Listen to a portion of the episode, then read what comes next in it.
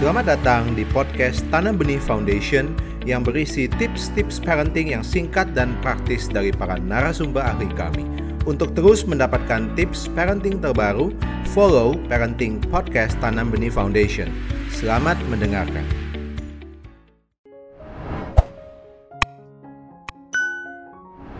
Pada dasarnya, apabila anak itu sedang uh, emosian, jangan menghadapi anak tersebut atau jangan mengatasi masalah tersebut pada saat anaknya sedang tantrum.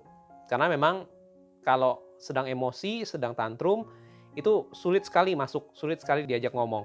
Tapi tunggu dia tenang dan pada saat dia tenang baru dilakukan pembicaraan. Walaupun anak kecil ya, anak kecil tuh tetap dapat di, diajak ngomong dan diberitahu apa yang bisa dilakukan, apa yang bisa dikerjakan. Misalnya dia tantrum karena dia mau main ini tapi kita nggak kasih, kita mainnya itu. Nah itu kita beri penjelasan nanti. Ya, pada saat anak itu tantrum, yang bisa kita lakukan adalah pertama kita akan menjaga agar anak itu tantrumnya tidak membahayakan dirinya. Jadi uh, kalau dia tantrum sampai guling-guling gitu ya, kita harus memastikan bahwa lingkungan sekitarnya uh, aman.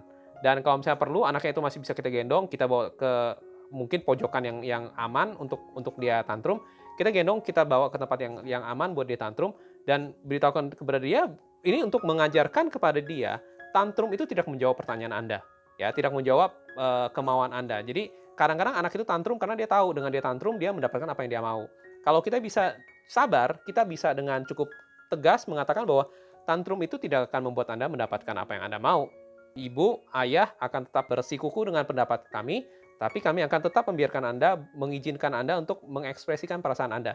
Tapi pastikan bahwa dia aman.